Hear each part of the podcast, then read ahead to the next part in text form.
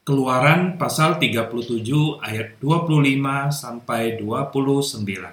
Dibuatnyalah mesbah pembakaran ukupan itu dari kayu penaga, sehasta panjangnya dan sehasta lebarnya, empat persegi, tetapi dua hasta tingginya.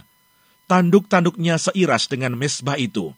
Disalutnyalah itu dengan emas murni, bidang atasnya dan bidang-bidang sisinya sekelilingnya, serta tanduk-tanduknya Dibuatnyalah bingkai emas sekelilingnya. Dibuatnyalah dua gelang emas untuk mesbah itu di bawah bingkainya, pada kedua rusuknya, pada kedua bidang sisinya, sebagai tempat memasukkan kayu pengusung, supaya dengan itu mesbah dapat diangkut.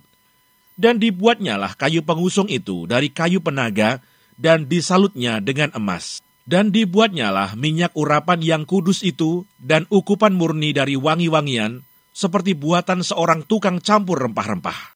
Sahabat, pada perikop ini kita bisa melihat bagaimana pekerjaan mesbah itu dibuat. Campuran bahan yang unik, kayu dan emas. Kita tahu bahwa mesbah yang dibuat adalah tempat untuk membakar ukupan. Berarti ada api di atasnya yang akan membara bagaimana kayu itu bisa bertahan dan tidak terbakar.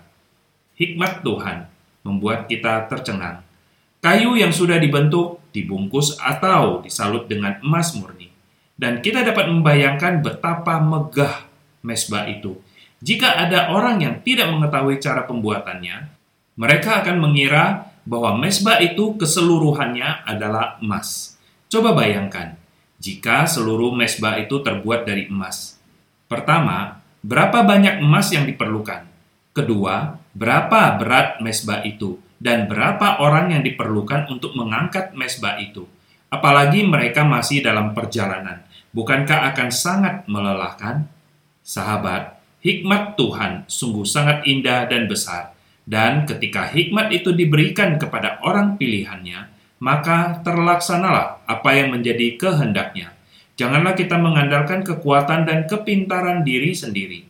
Biarlah kita bisa meletakkan apa pun yang kita miliki di bawah kaki Tuhan karena dengan demikian, semua itu akan menjadi berharga dan berarti. Amin.